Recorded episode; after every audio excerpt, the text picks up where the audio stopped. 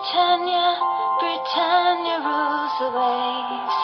Britons never, never, never shall be slaves. Oh,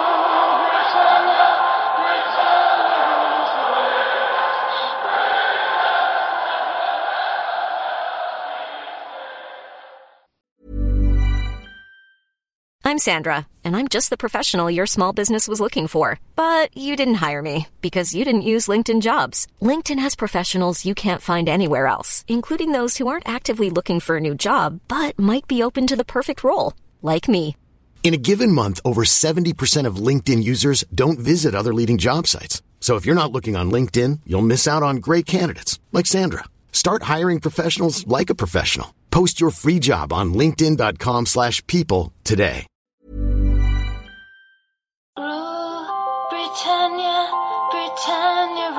Rules the waves.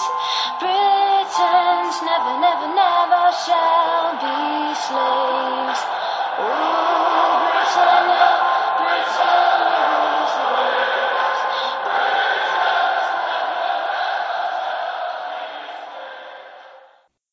Hej och välkomna till Svenska FPL-podden avsnitt 135. Vi gör oss redo inför Game Week 7 som är sista Game Weeken inför det andra landslagsuppehållet. Och eh, vi spelar in idag tisdagen den 28 september, en Champions League-kväll.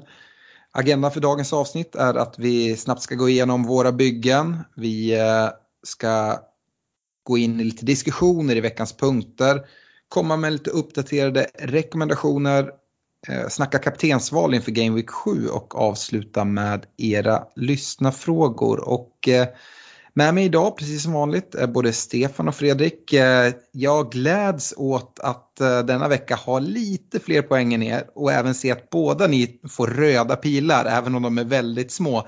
Hur eh, är läget med dig Fredrik som får, får minst poäng den här gameweeken med, med 47? Det är väl många som, som kan kännas vid en liten tuffare gameweek den här veckan va? Ja, för fan alltså, tänkte jag säga. Nu är det bra att det är tisdagen vi spelar in. Hade vi spelat in i, i helgen då hade det svordomarna varit betydligt fler. Nu har man hunnit lugna sig lite men nej, det var, det var banne mig ingen höjdar, höjdar gameweek, det kan jag inte säga för min del. Två jättetunga tunga beslut i att bänka Rafinha och bindla Ronaldo. De blev kostsamma. Mm. Eh, 47 poäng, jag säger röd pil men jag tror inte att du backar jättemycket. Du har en overall rank på 181 000 vilket fortfarande är, ja, men, man är med bra där. Um, Stefan, du tar två poäng fler än, än Fredrik eh, och precis som mig satte du binden på Antonio och vi, vi såg ju match tillsammans och, och jublade där när kassen till slut kom. Den skulle ju ha kommit mycket tidigare dock. Ja, eh, det kunde ha blivit mer, men, men jag är nöjd med det målet där på slutet. Eh, det var även skönt att jobba in Sarr tillsammans där eh, under, under eftermiddagen. Nej, men det blev en liten, liten röd pil, men jag är ändå nöjd. Jag var riktigt orolig för den här omgången, mycket med tanke på att jag satt utan Ronaldo. Och efter han hade blankat så hade jag ju såklart högre förhoppningar än, än vad det slutade i. Jag hade många spelare kvar på söndagen som absolut inte levererade.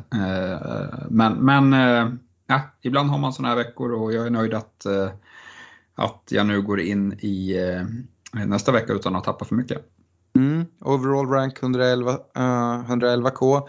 Eh, själv tog jag 53 poäng den här gameweeken och ligger 30, ja, inom 30k nu. eh, vilket är härligt. Eh, 443 poäng totalt. Eh, kan även konstatera att vi alla tre sitter med två fria byten nu till Game Week eh, 7. Det, det stämmer va Fredrik att du har två va? Mm, stämmer bra det. Jag gjorde bara ett här, Bizuma till Grace. Två fria och eh, nu ska det hända grejer. Eh, jag får ju känslan av att två fria på allihopa, det kan ju bli, kan det bli tal på ett fattigmans wildcard här för någon av oss? Ja, det kan bli. Eh, det är, det är mycket osäkerhet. Vi kommer komma det, till det längre fram i avsnittet. Mycket flaggor till höger och vänster. Det är Europaspel i veckan. Eh, vi kommer få mer information och avvaktar väl lite där. Eh, men du var ju lite valt och kvalet om att dra ditt dubbelbyte här för att liksom, ja, sätta dig i ordning för, för ett wildcard. Men jag gissar då med, med det byte som du gjorde att du fortfarande håller alla, alla utvägar öppna.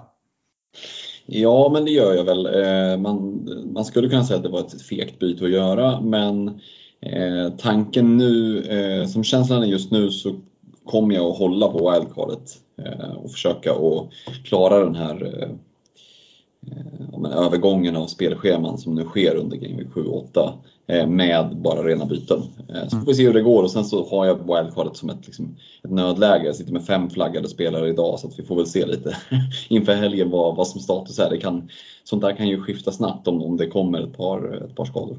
Ja men absolut, så har vi ett landslagsuppehåll där mellan 7 och 8 där spelare kan komma tillbaka skadade och med sanktioner och alla möjliga saker. Så det där kan ändras men det är skönt att ändå ha den utvägen. Den, den sitter både du och jag utan Stefan men, men du har också två fria byten som du nog är väldigt glad över med alla dina flaggor.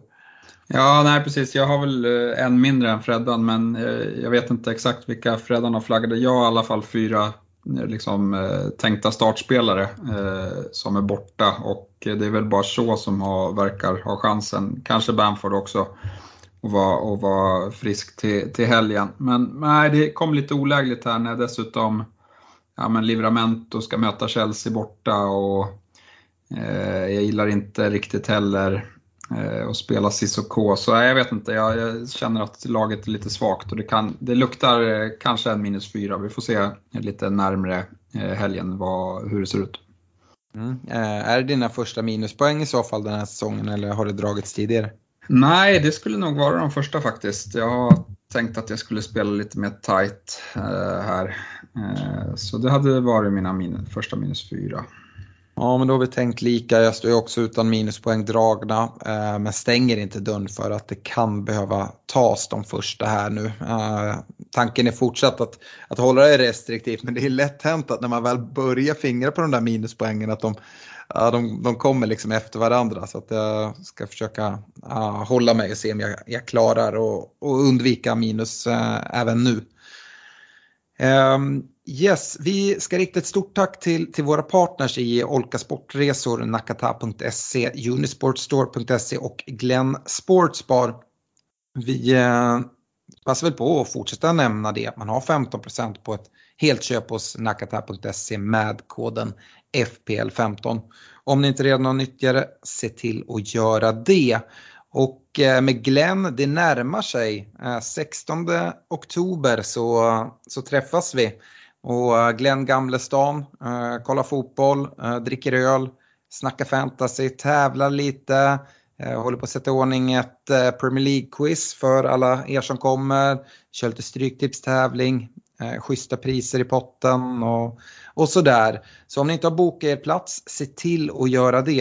Eh, det gör ni ju via eh, Glensportsbar.se och boka bord där alternativt ringer till Glenn och eh, kom ihåg att det då är Glenn Gamlestan som ni ska boka. Antingen kommer ni att se någon match eller så gör ni som, som oss tre och, och kommer och ser eh, fotboll hela dagen och bara ja, har det allmänt gött.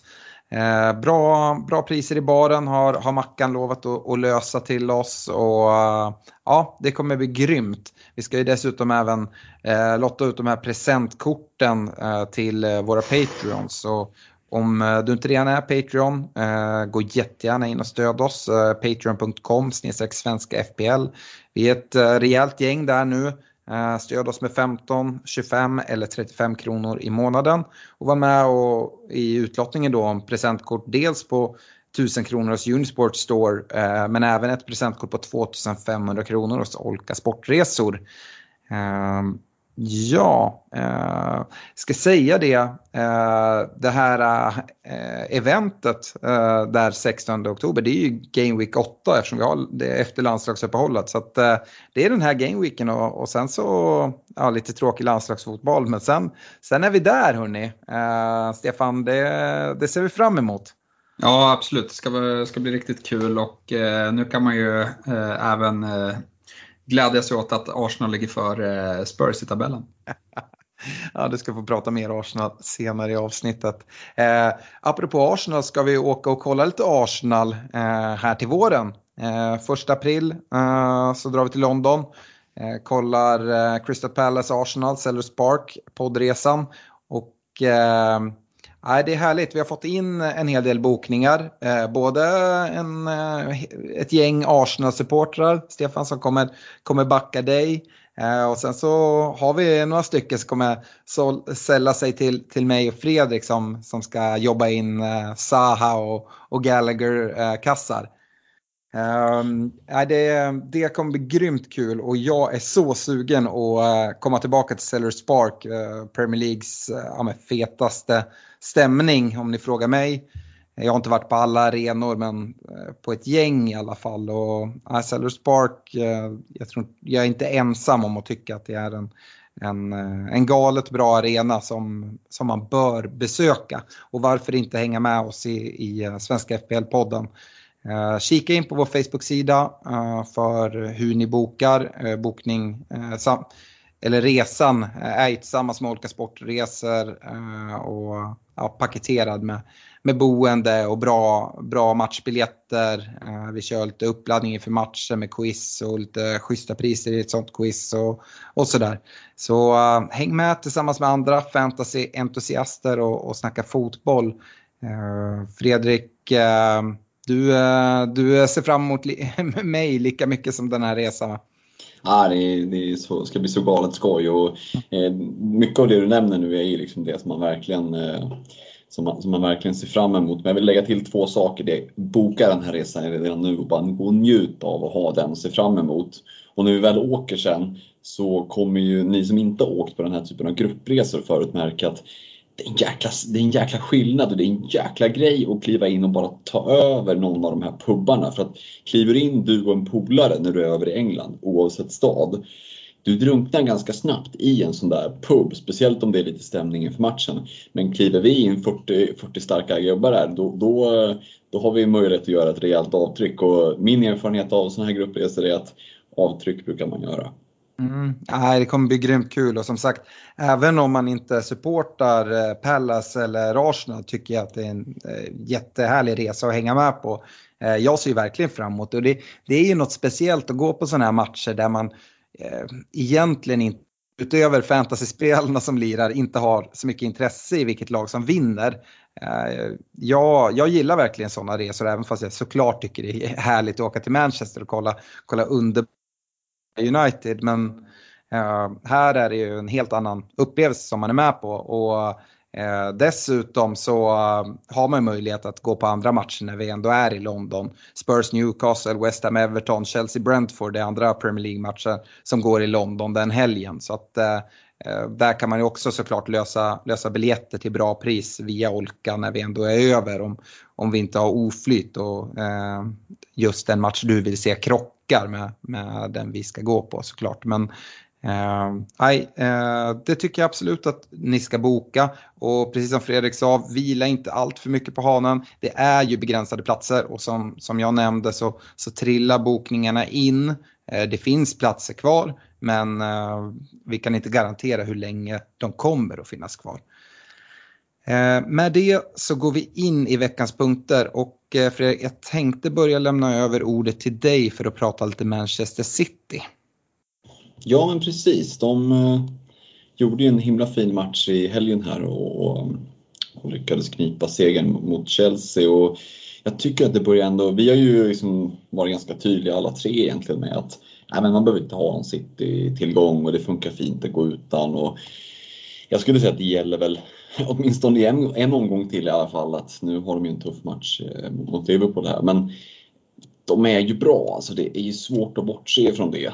Eh, det, är ju förmodligen ligans, liksom, åtminstone ett av ligans absolut bästa lag. Eh, så jag har kikat lite närmare på några av de kanske mest intressanta fantasy-gubbarna i, i City och då är det ju omöjligt att inte börja på en Jack Grealish. Och vi pratar mycket om pepproletten och nu kommer det ju såklart eh, Europaspelet att dra igång. Men kikar man på Grealish första sex matcherna så har han alltså spelat 90, 74, 90, 90, 90, 86. Det är ganska bra matchning. Eh, betydligt mer än vad jag trodde att han skulle få första sex matcherna i sin nya klubb. Eh, det är klart att Europaspelet ställ, kan ställa till det lite nu men jag tycker ändå att Pep har visat ett väldigt, väldigt stort förtroende och det gör ju ändå att man, åtminstone jag känner att ja, men Grealish kan ju vara någon att kliva in på efter eh, den här Liverpool-matchen nu eh, efter landslagsuppehållet så har de tre riktigt, riktigt fina matcher och sen ett spelschema som är lite blandat sådär men de här tre matcherna efter Liverpool-matchen där tror jag det finns möjlighet att, att casha in City-poäng. Ja. Eh, ja, jag vet inte, vad säger ni? Nej, men eh, jag, jag håller med, jag tycker Grealish är spännande, kanske den eh, Liksom, jag antar att det ska gå vidare till försvaret sen framförallt. Men, eh, och där finns det ju intresse. Men i övrigt kollar man offensivt så, så Grealish är väl den spelare jag, jag kikar mest mot. Jag har svårt att få in en Kevin De Bruyne som nu är tillbaka. Och det är väl egentligen Kevin De Bruyne som lite går att sätta, sätta emot Grealish. Du, du rabblar speltid här, vilket är Eh, han har fått väldigt mycket det har ju varit samtidigt som Kevin De Bruyne och Phil Foden har, har matchats, matchats in nu här lite mot slutet och nu känns det väl som att de är redo att verkligen kliva in på allvar. Och då är frågan hur, hur blir det med Graylish roll? Han kommer fortsatt få mycket speltid men kommer det vara så mycket som det har varit nu? Eh, uh, med vissa frågetecken men ja, jag tycker jag, jag förväntar mig att Grealish kommer spela väldigt mycket. Och uh, i det här spelschemat som, som lättar upp för City här uh, så småningom så ja, Grealish är nog den, den närmsta spelen. Och just det i, nu alla håller på att växla över sina de här mid-price mittfältarna till eh, de här som kostar lite mindre för att kunna lägga mer pengar på forwardslinjen och försvarslinjen. Um, och han kanske är den mest intressanta mid-price mittfältaren i alla fall. Så att, uh, nej, uh, jag tycker Graylish är, är intressant. Mm, och precis som du nämnde där så, så är ju liksom segwayen över till en Cancelo i försvaret eh, ganska given. För det, det, är ju också en spelare, om man skådar speltid, han har gjort 90 minuter alla sex matcherna. Och ja, visst, han liksom, nu kommer det Europaspelet och så, men det är egentligen samma sak där. Vi har en Mendy som skakar galler och en Sinchenko som är skadad. Och, ja, så jag tror att Cancelo också kommer att få en hel del speltid. Såklart inte alls kanske lika given att match ut och match in som Diaz till exempel, men eh, vi vet ju med Cancelo att det, taket är väldigt, väldigt högt. Eh, och speciellt när det kommer lite lättare matcher. Om han då är med och spelar, då kommer ju han ha en heatmap som mer påminner om Mohamed Salah än Gianluca Pesotto i gamla Juventus-dagar om ni förstår vad jag menar då. Ja, nej verkligen. Eh, håller du Cancelo solklart för en, en spelare som, som Diaz? Jag skulle säga att det beror på hur övriga, eh, dels försvarslinjen och dels bygget ser ut. Har man en ganska stark bänk och, och eh, ja, men i övrigt har spelare som, som, har väldigt stor chans att spela, då tycker jag att Cancelo trumfar.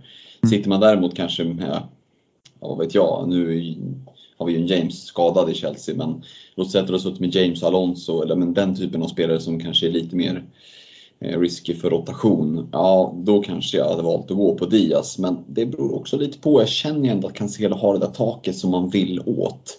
Eh, så att, um, jag håller nog Cancelo snäppet före i alla fall. Mm. Stefan, hur resonerar du kring, kring City-tillgångarna? Eh, ja, jag har ju kikat att jag skulle ha in massa City-spelare här till, till Game Week 8 men eh, eh, det är ju lite tuffare här nu med alla skador. Jag, jag, jag, jag kanske kommer göra, liksom, byta in dem en, en omgång tidigt, lite som jag gjorde med Lukaku. Bara för att ha dem på plats. Eh, men eh, ja, vi får se. Chelsea är väl ändå prioritet nu i alla fall att få in en andra gubbe eftersom Reece James eh, är borta för mig. Så att jag vill inte sitta med bara Lukaku här från Game Week 7 utan mm, där vill jag nog få in en till först och sen, sen kika nog mot eh, City. Mm. Har du några andra City-spelare du vill prata om Fredrik? Annars kan vi gå över på min punkt som just är Chelsea. Mm, ja, men kör, kör vidare med Chelsea då.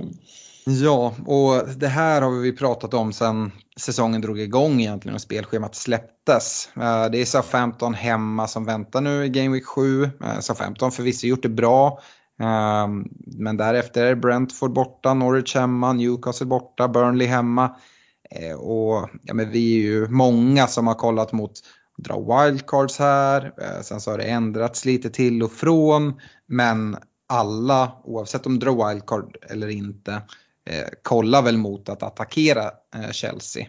Eh, fick in en lyssnarfråga från Sebastian Bylund som, som skriver att han redan sitter med Alonso och Lukaku men vill få in ytterligare en till från Chelsea och undrar vem man ska plocka in. Och då har han kikat mot Aspelikueta, eh, Thiago Silva och Rydiger.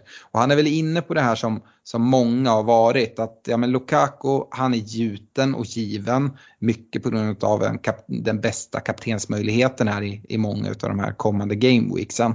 Eh, och sen dubbla försvaret. då, då mittfältet eh, har varit lite så här halvlurigt. Men av alla försvarare så är det ganska svårt att välja. Eh, det var ju senast förra veckan som, som du Fredrik eh, gick in och rekade en Thiago Silva i backlinjen som jag ställer mig lite frågande till då jag tycker det finns bättre alternativ. Eh, samtidigt som Thiago Silva såklart är en, en bra spelare.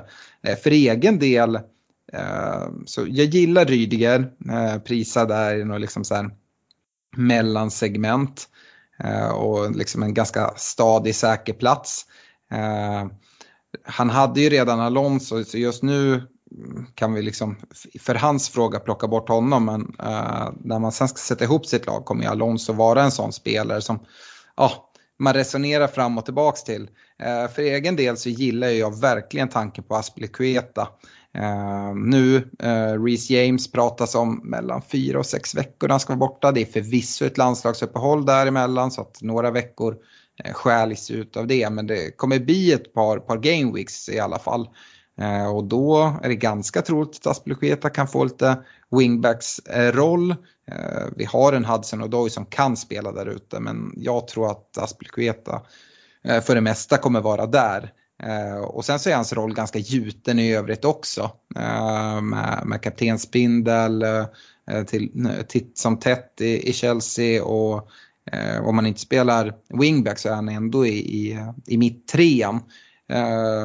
ja, Stefan, vad är din syn på Aspilicueta och är det någon som du har kikat närmare mot nu när Reece James är borta? Du har ju tagit in James redan.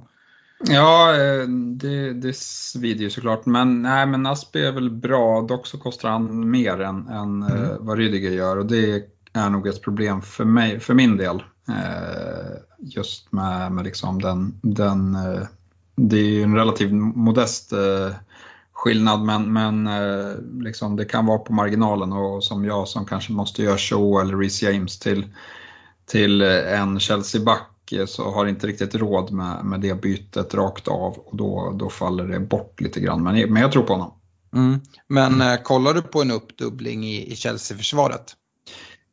Jag hade gjort det, men, men jag vet inte om, om jag kommer göra det nu. Eh, det beror på. Jag är grymt sugen på att få in eh, en Cancelo eh, i mm. City. Men som sagt, jag är lite orolig för att Cancelo och Graylish börjar närma sig en, en, en rotation här. Eh, som sagt, ni pratade om att de hade spelat mycket matcher i, i sträck och, och, det brukar leda till att man vilas utav Guardiola även om man är tilltänkt första eh, spelare.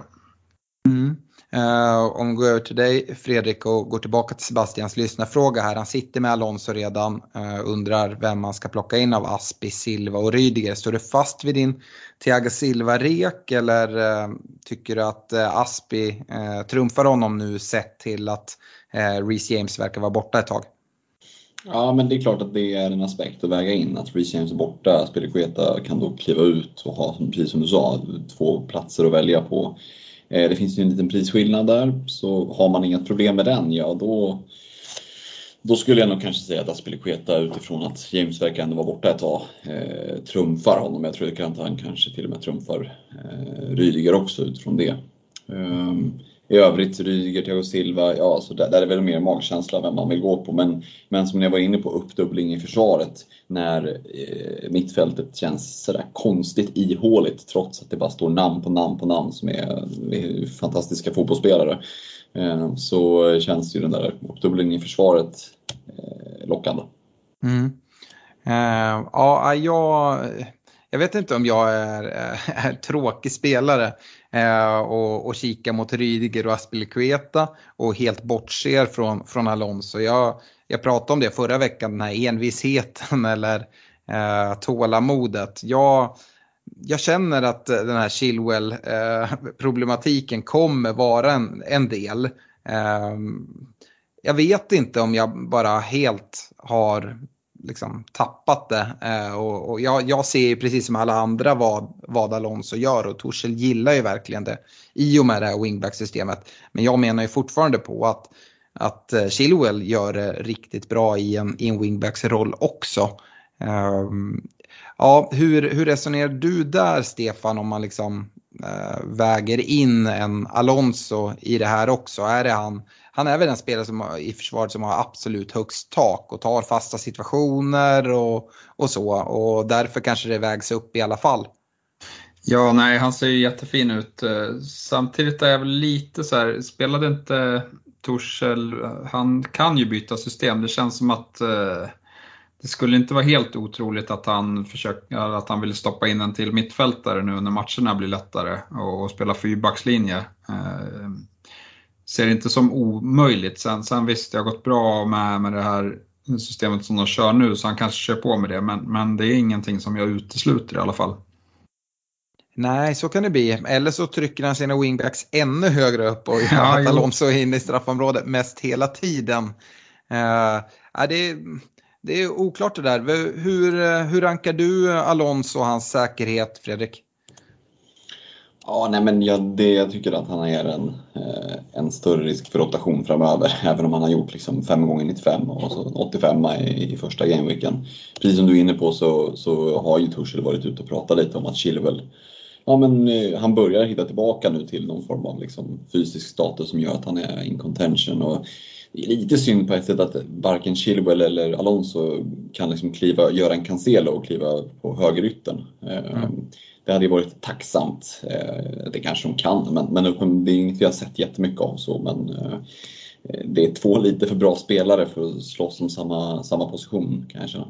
Man hade nästan i ett fantasyhänseende kunnat önska för en rejäl skada för någon av dem, vilket hade underlättat enormt. Eh, för jag gillar verkligen den där vänster, vänsterplatsen och framförallt med Lukaku där framme där det kommer skickas mycket inlägg. Men det är det jag gillar med Aspi också. Jag vet inte om ni kommer ihåg det när Morata spelade i Chelsea, att det var väldigt mycket eh, eh, som eh, äh, Aspi äh, som äh, lyrade in bollar till, till Morata. Nu har han en Lukaku där som är, är minst lika bra på huvudet och kan dunka dit bollar. Och det är väl det som gör att jag dras mot, mot Aspelkueta och hans säkerhet. Och även, även på sikt, även när Reece James kommer tillbaka så ser jag inte att det är något byte som jag kommer bli, bli tvingad att göra utan mer ett så här ja, jag kan göra det bytet och spara in lite pengar eh, genom att downgrada Aspelikueta antingen till en annan eh, Chelsea-försvarare eller till, till något annat lag beroende på vart, vart vi står just då. Eh, så att eh, det kommer aldrig bli liksom någon, någon riktig ko på isen med Aspelkueta känner jag så länge det inte kommer någon skada. Hans plats känns gjuten eh, kan spela wingback, kan spela ytterback i en fyrbackslinje om det skulle vara så, eh, eller mittback. Så att, äh, jag, jag gillar verkligen att Aspelkueta slår ett slag för honom. Så på Sebastians fråga om pengar liksom inte äh, är något problem där så håller jag absolut Aspelekueta som etta. Sen så vill jag faktiskt slå vidare på det du var inne på Fredrik när du pratade Cancelo kontra Diaz. Här är ju ett typiskt sånt, eh, sånt scenario att om man, om man kollar på att dubbla upp i i Chelsea-försvaret och, eh, och gå på, på Alonso och Rydiger. Uh, då är helt plötsligt, ja men då kanske det är Diaz man ska gå mot om man går på eh, liksom lite osäkrare kort. Jag, jag skulle max vilja ha, ha, ha ett sånt rotation, större rotationsrisk. Det är, det är ju ingen som är helt gjuten och får 90 minuter i 38 game weeks, inte ens en Aspilicueta eller en Diaz. Men uh, de här ytterbackarna kommer roteras med, det, det, är jag säker på. Och jag vill inte gå med för många, men det, det är jag. Och sen skulle jag även vilja säga det att den femte försvararen kommer vara oerhört viktig och då slår jag ett rejält slag för, för Livramento. Dels med Southamptons fina spelschema och hans offensiv men framförallt hans prislapp. Eh, det är en spelare som man inte har något problem att egentligen spela vilken game week som helst nu. Och um, ja, han är verkligen eh, en guld femte back. Eh, han ska man definitivt sitta på om man, om man väljer att gå på de här lite osäkrare ytterbackskorten. Det, det är någonting som jag skulle vilja säga. Eh, Stefan, eh, jag vet att du sitter där och bara väntar på att få ordet och prata Arsenal. Eh, jag tänkte faktiskt bolla över dig på en lyssnarfråga som kommer från Filip Johansson. Han eh, undrar om inte Eh, Emil Smith Rowe kan vara intressant. Han kostar bara 5,3 nu. Visar god form senast och spelschemat ser fint ut. Och annars finns det några andra bättre alternativ. Och det är väl något sånt där, eh, man får ställa Smith Rowe mot en, en Saka kanske. Ja, nej, men jag tycker det är, det är egentligen bara de två som jag kikar mot offensivt sett i, i Arsenal. Eh, eh Smith Rowe har ju varit har kanske varit bättre här eh, liksom, eh, hittills på säsongen. Saka hade eh, det rätt tungt efter, eh, efter vad heter det, och varit med England och spelat VM eh, och kändes som att han var lite urslag eh, inledningsvis på säsongen men har liksom en uppåtgående formkurva och eh, ja, jag håller väl honom lite som favorit men, men sen finns det liksom den här prisaspekten och då tycker jag att det ja, men lite hugget som stucket och, och vill man gå billigt då, då gör man det med Smith Rowe eller har man råd och, och feeling för Saka så, så, kan man välja honom. Jag tycker det är väldigt svårt att, att förutspå vem som eh, är bäst offensivt sett där. De, de brukar ju dessutom eh, ha ett väldigt bra samarbete i matcherna och liksom spela fram varandra. Så att, äh, det, är nog, det är nog tajt mellan dem och det, det är bara min magkänsla att Saka kommer göra mer poäng. Eh, det skulle lika gärna kunna vara att eh, Smith Rowe eh, matchar honom och då, då är han bättre sett till priset. Annars tycker jag Arsenal har sett bra ut defensivt här. Man, hade, man var på väg mot tredje raka nollan mot Spurs men, men Son fick in en, en boll på, på slutet. Matcherna tycker jag ser fina ut så, så där kan man ju också investera. Jag har ju själv valt Tierney-spåret. Han är lite dyrare. Jag förväntar mig att han kommer vara, som vi såg han i inledningen av säsongen, mer offensiv när liksom det blir sådana matchbilder. Han fyller på väldigt bra. Men eh, både White och eh, Tomayasu eh, som är billigare har ju, har ju gjort det bra. Eh, väldigt förvånad över Tomayasu som, som har kommit in och liksom, eh, ja, men, eh, gjort det super, superbra. Och jag tyckte han hade Son är ingen lätt spelare att möta med, men jag tyckte ändå att eh, man höll honom hyfsat borta från, från eh, spelet här i, i derbyt. Eh, och det var mycket att eh, han, han gjorde det bra mot honom. Så nej, det, det är väl min take på, på Arsenal en relativt stor spelare där också. Ser på fasta situationer så, så kliver han ju upp på hörnor och sådana här saker. Han spelar väl mittback i japanska landslaget om jag inte har helt fel för mig och ja, kan vara med och utmana även där. Ja, nej, men han är rätt lång och, och man har sett att eh, liksom, om jag säger att Tierney fyller på mycket så det är inte så att Tomayasu inte får fylla på. Det är väl lite vridet åt, åt uh, Tierney skulle jag säga, men, men in, eh, kanske inte lika mycket nu som, som när uh, till exempel Chambers eller Cedric spelade, spelade högerback. Uh, då var det ju ännu mer att Tierney gick fram. Nu, nu är det lite mer balanserat skulle jag säga. Mm. Får jag fråga lite kopplat till rotation och sådana saker. Fördelen med Arsenal är såklart att det inte är något Europaspel och av den anledningen inte borde vara allt för mycket rotation.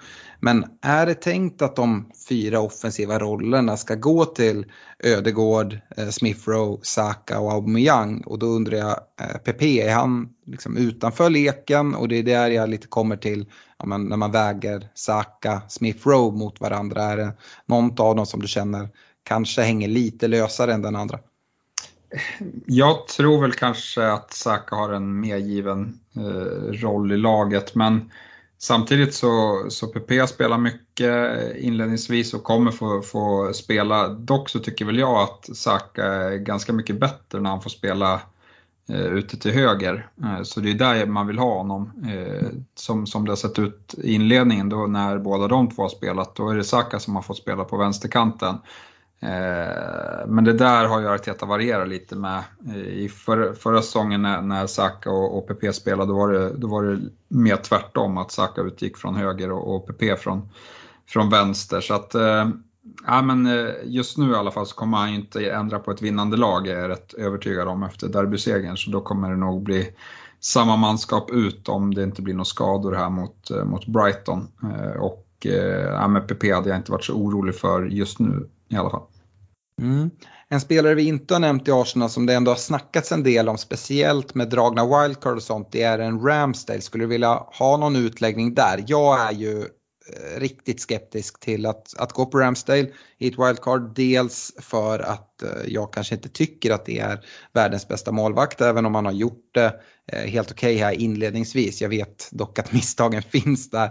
Eh, men kanske framförallt att den där platsen skulle kunna vara hans och förlora på lite sikt. Jag ser det inte som supergjuten eh, och då gå in med han som en 4,5 målvakt före en Raya i Brentford eller en Sanchez i, i, i Brighton som där platsen är, är supergjuten. Men du får gärna eh, övertyga mig åt andra hållet.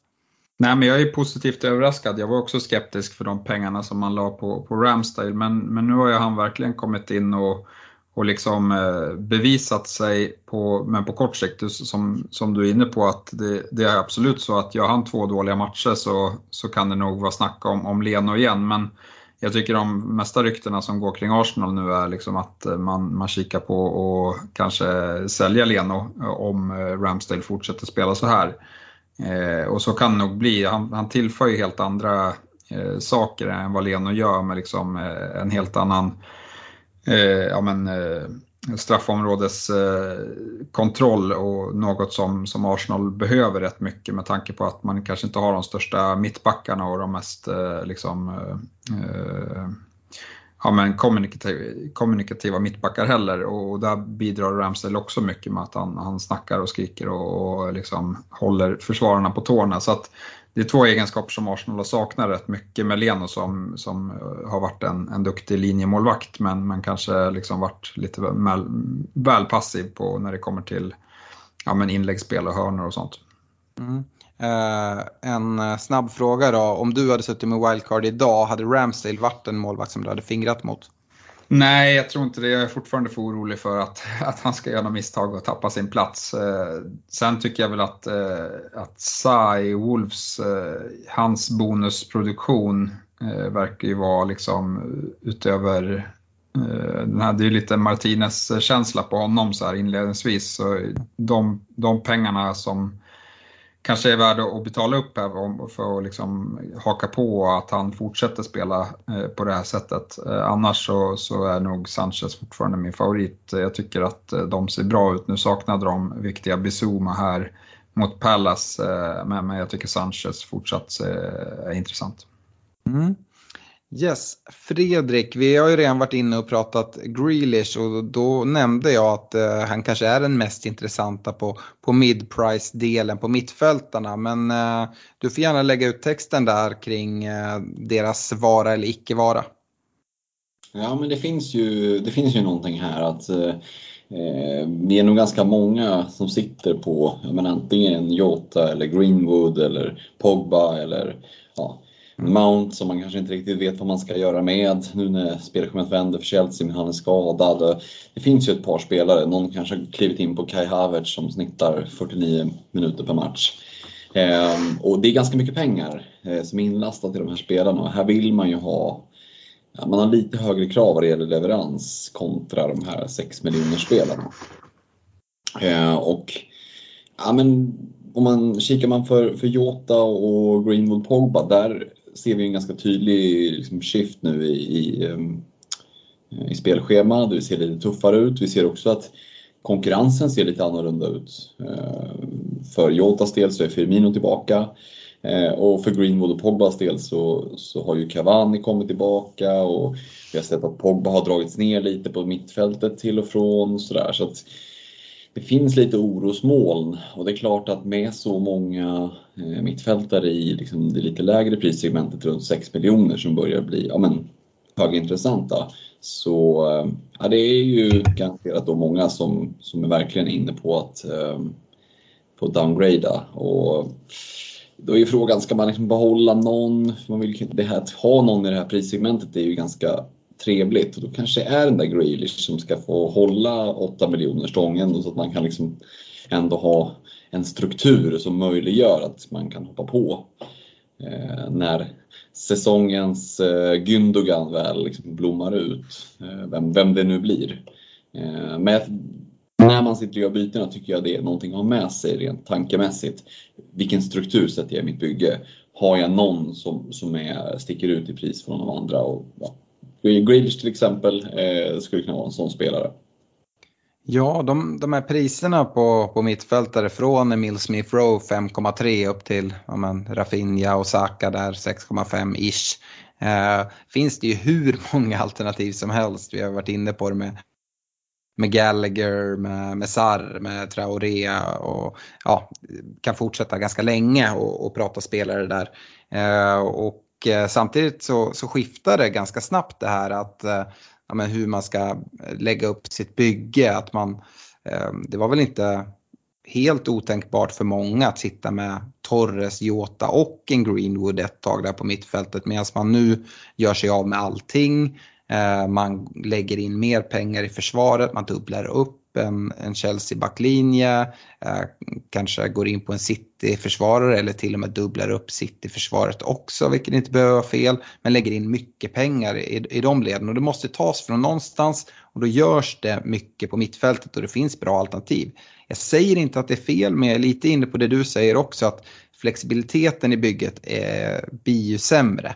Ehm, det är svårare att kunna hoppa på. Ehm, vad, vad säger att trenden inte kommer vara om några game weeks? Att eh, de här mid-price mittfältarna som ändå finns där kan leverera ett riktigt bra värde? Och hur tar man sig dit då? Om man går in i ett wildcard nu där man eh, egentligen bara sitter kvar med en Sala på mittfältet som, som eh, har något uppbyggt, eh, uppbyggt värde i och sen så har man Ehm, ja, med de här 5,5, 6,5 eh, mittfältarna ehm, den risken tycker jag finns där. Jag säger inte att det är fel. Det går ju alltid att lösa med att ja, men, ta ut en dyr försvarare och downgrada där och göra ett dubbelbyte och sen kunna få in pengar. För att det är inte, det är inte som att gå från en, en Sar till en eh, Eh, till en Mohamed Salah eller en Bruno Fernandes eller Kevin De Bruyne. Utan det är ju bara lite man ska få ihop och det kanske man kan, kan lösa på något sätt. Men jag tycker att det är värt att,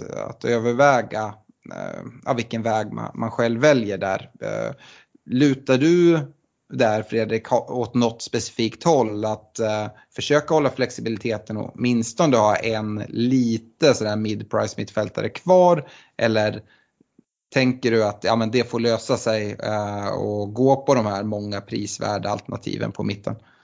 Ja, men jag är nog lite inne på, på det förstnämnda där. Sitter med, med Gray och Sar och Rafinha som alla är inom liksom 5,8 till, till 6,5. Och sen Greenwood Sala och, och, det är ju Greenwood som, som kommer att behöva göra plats. Eh, och jag skulle kunna få loss en hel del pengar genom att göra han till ja, whoever runt 5,5 mm. till 6 eh, Eh, och bara lasta in det ytterligare i backlinjen. Nu har jag en ganska tungt lastad backlinje som det är redan nu så att pengar är inget jätteproblem och därav blir ju beslutet för min del ganska mycket lättare att kanske kika då mot, mot Grealish till exempel. Eh, men äh, jag tycker nog att strukturbyggnaden, speciellt om man kanske redan har dragit wildcardet, och för då är det långt till nästa wildcard och, mm. och, även om det går med ett dubbelbyte som du säger, ja, dels är det två byten, eventuellt minuspoäng och du kan bara göra en i taget plus att du då inte kan släcka bränder på annat håll. Så att, det är farligt att liksom tänka att ja, men jag löser det där med två byten i värsta fall. Ja, två byten är, det är, liksom, det är ganska värdefullt och, och, det är inget du vill liksom kasta bort på någonting som du så här i efterhand liksom känner att ja, men det där borde jag kunna se komma. Och flexibilitet kan visa sig vara A och O. Sen ska man ju såklart gå på spelare som man känner för. Men eh, jag vill inte sätta mig i båten där fyra mittfältare i lågprissegmentet. Eh, jag tror att vi tycker att det är lite risky. Mm. Eh, släcka bränder säger du och eh, det är oftast det man behöver använda byten till. Stefan, skulle du vilja prata lite mer? Nu är det väldigt mycket flaggor i, i ganska många lag, eh, men den här liksom, skaderisken och, och problemen med att uh, ha allt för förutbestämda byten eh, och resonera lite kring, kring de bitarna. Nej, men man får ju anpassa sig. Jag tror att det är många nu som sitter med i alla fall en tre, fyra gubbar som är osäkra till till spel inför helgen och vi har dessutom Champions League-matcher och Europa League-matcher att avverka här så att det kan ju komma ytterligare skador eh, innan, eh, innan vi står där på, på fredag och har presskonferenserna till, till godo. Så att eh, liksom grundrådet är ju liksom avvakta. Jag vet liksom priserna rör sig rätt mycket nu. Och, men, men då kanske man kan, liksom, om man sitter så, och har lyxen med två fria byten, man kanske kan göra ett av de bytena och sen liksom avvakta med det andra bara för att inte bränna sig helt om det skulle, skulle gå illa. Eh, men, men sen tycker jag att, även att man får tänka lite, lite eh, liksom annorlunda beroende på hur ens situation är. Eh, jag till exempel har ju dragit mitt wildcard eh, så jag, får ju, jag har absolut inte råd att och liksom göra några tidiga byten och, och chansa här utan ja, men min originalplan har spruckit lite, då får jag kika vad, vad är det bästa att göra härifrån. Och eh, ja, men, eh, liksom, prioritera de bytena som du liksom verkligen vill ha. Vissa spelare kanske bara är lyx eh, och vissa kanske man säger men den här spelaren tror jag på så mycket så att han måste jag bara ha för, för vissa specifika matcher och då, då är det de bytena man ska se till att de blir gjorda, inte de här lyxbytena. Så bara, men jag hade ju planerat att byta ut Jota nu här i Game Week 7. Ja, men det kanske man får skita i och, och liksom, ja, men då får han spela mot City och kanske Watford. Eh, och förhoppningsvis så, så gör han en balja i, i de två matcherna. Eh, och, och då, liksom, då har man nog inte förlorat så mycket mot, eh, mot den man hade tänkt ta in. Eh, sen visst, har man wildcardet kvar, ja, men då kanske man kan eh, vara lite mer våghalsig här i Game Week eh, 7 och ändå liksom, ja men skiter det sig, då, då kan man dra wildcardet i, i Game Week 8 ändå. Så att där tycker jag att man har lite mer valfrihet när man står och, och eh, ska göra sina byten. Ja, så är det verkligen. Eh, jag tänkte gå vidare och prata, prata wildcards. Eh, det, vi vet att det är många wildcards som dras nu i Game Week 7. Det kommer även dras många i Game Week 8. Ehm, men jag har ju hela tiden pratat att om man inte har dragit sin, sitt wildcard redan så är det ganska enkelt att lösa den här eh, omväxlingen från United där spelschemat blir sämre till ett Chelsea där spelschemat blir mycket bättre bara med byten. För att kanske ha nytta av att använda det längre fram och då har jag väl framförallt kikat där till när Uniteds spelschema vänder igen och ser hur bra som helst under en väldigt lång tid. Anledningen till att jag har pratat om det snarare än att dra det nu. Det finns liksom inget rätt och fel och det beror helt på hur ditt lag ser ut.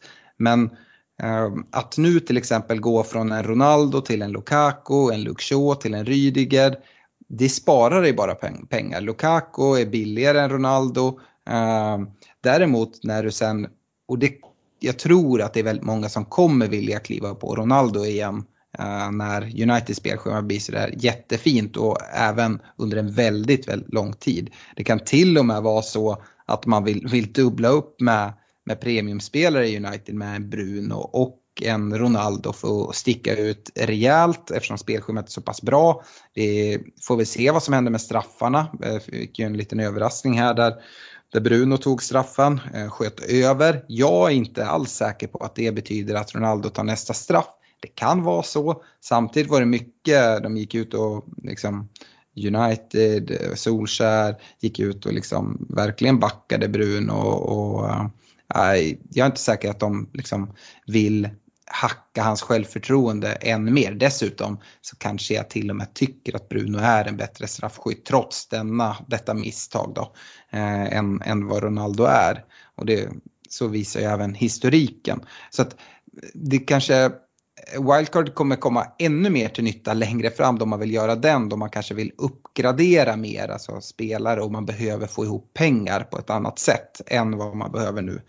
Med det sagt så kan det absolut vara så att man behöver dra det nu. Vi pratar om alla skador och sådana saker. Och då kommer den stora frågan, drar man det nu i Game Week 7 eller drar man det i Game Week 8? Eh, och här är också utifrån ditt bygge. Jag skulle verkligen föredra att dra den Eh, till Game Week 8 snarare än nu till Game Week 7 om jag hade möjlighet att få ihop ett, ett vettigt lag. Och det är flera anledningar. Dels så är det ett landslagsuppehåll och anledningen med det är kanske framförallt inte att man ska kunna hoppa på och tjäna pengar på spelare och byta in och ut. Utan snarare att vi får lite bättre koll på ja, men vad blir det för skador. Det brukar alltid dyka upp någon form av skada. Folk är ute och reser, det kan komma tillbaka och vi får liksom eh, sjukdomsuppdateringar eh, och sådana saker. Så det skulle jag säga är en stor anledning. Eh, dessutom så har vi den här matchen Liverpool City i, i sjuan. Eh, och eh, jag tror att om man nu väljer att, att dra den i sjuan när man tycker man är tvungen till att göra det.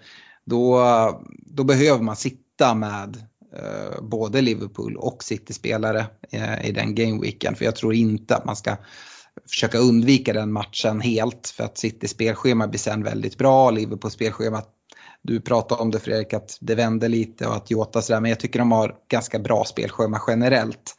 Sen Jota är lite, lite speciell, men man tar inte ut en Mohamed Salah. Det är lite lurigt, vad gör man med en, med en Trent som, som är skadad nu och sådär. Eh, jag, jag hade väldigt gärna väntat till, till åttan. Den stora skillnaden med att dra det nu det är ju att om det blir tight i ett wildcard pengamässigt så kommer det göras en hel del byten här. Eh, det är många som sitter med två fria inför för Game Week 7. Många som kanske till och med planerar att dra minus och, och göra mycket byten och att det kommer bli värdeförändringar och man kan bli utprisad från, från det lag som man gärna vill ha. Eh, jag tycker det finns mycket resonemang att göra kring det här men skulle egentligen vilja bolla över eh, till dig Fredrik som sitter med ditt wildcard kvar som just nu då lutar mot att spara det. Hur har dina tankar gått? Är de någonstans i, Eh, inom de här områden som, som jag pratar om eh, här? Mm, jo men så är det ju. Eh, för att komplettera det som, som, som, du nämnde som jag verkligen kan skriva under på där. Det är ju de skadorna vi ser på anfallare som vi väldigt gärna vill ha i bygget. Jag tänker på Bamford, jag tänker på, på Calvert Lewin och, och um, även Wilson till exempel. Och det har gjort att för min del så sitter jag med en 4-5 anfallare i Obafemi som ju håller till i, vadå, Wales numera kanske. Mm. Eh, och det var såg jag som ett ganska stort problem och jag såg det också ganska svårt att växla över det. Där har jag svängt lite just nu som jag känner att med, med de skadorna som är så, så kan det funka att spela ett tvåmannaanfall och sen då istället eh, kötta ett femmanna mittfält. Eh, och då ha lite mer pengar över till, till bra backlinje. Så det, det, löste liksom en knut som jag hade tänkt att liksom fixa i ett wildcard. Eh, sen får vi se med de här skadorna. Det är mycket liksom ljusgula flaggor, Rafinha och Shaw och Trent och sådär. Ja, alltså Trent är jag inte jättesugen på att ta ut. Är det så att han missar City-matchen så tror jag att han får sitta, liksom, sitta bänk i bygget. Eh, men eh, nej, eh, det är klart att är det helt förstört bygget och du har wildcard kvar då, ju, då ska man ju använda det. Men jag känner lite just nu att jag, ja, du nämnde ju Uniteds eh, svängning där eh, lite längre fram på säsongen och, att då sitta med ett wildcard kvar och kunna liksom gå all in där. För den kommer vara svårare att gå till. Eh, om man sitter tungt lastad på Chelsea till exempel och vill växla över till United så är det lite klurigare. Och att då kunna göra det gratis med ett wildcard, det skulle kunna vara en sån där ja, bra fördel att ha, att ha kvar. Så att mitt mål nu är att försöka att rodda mig igenom eh, Game 7 och 8 utan wildcard. Ja, jag, jag, tror det. Man, man pratar mycket om att, att, kunna komma före kurvan och såklart kommer ju folk byta in massa United-spelare när det spelschemat vänder.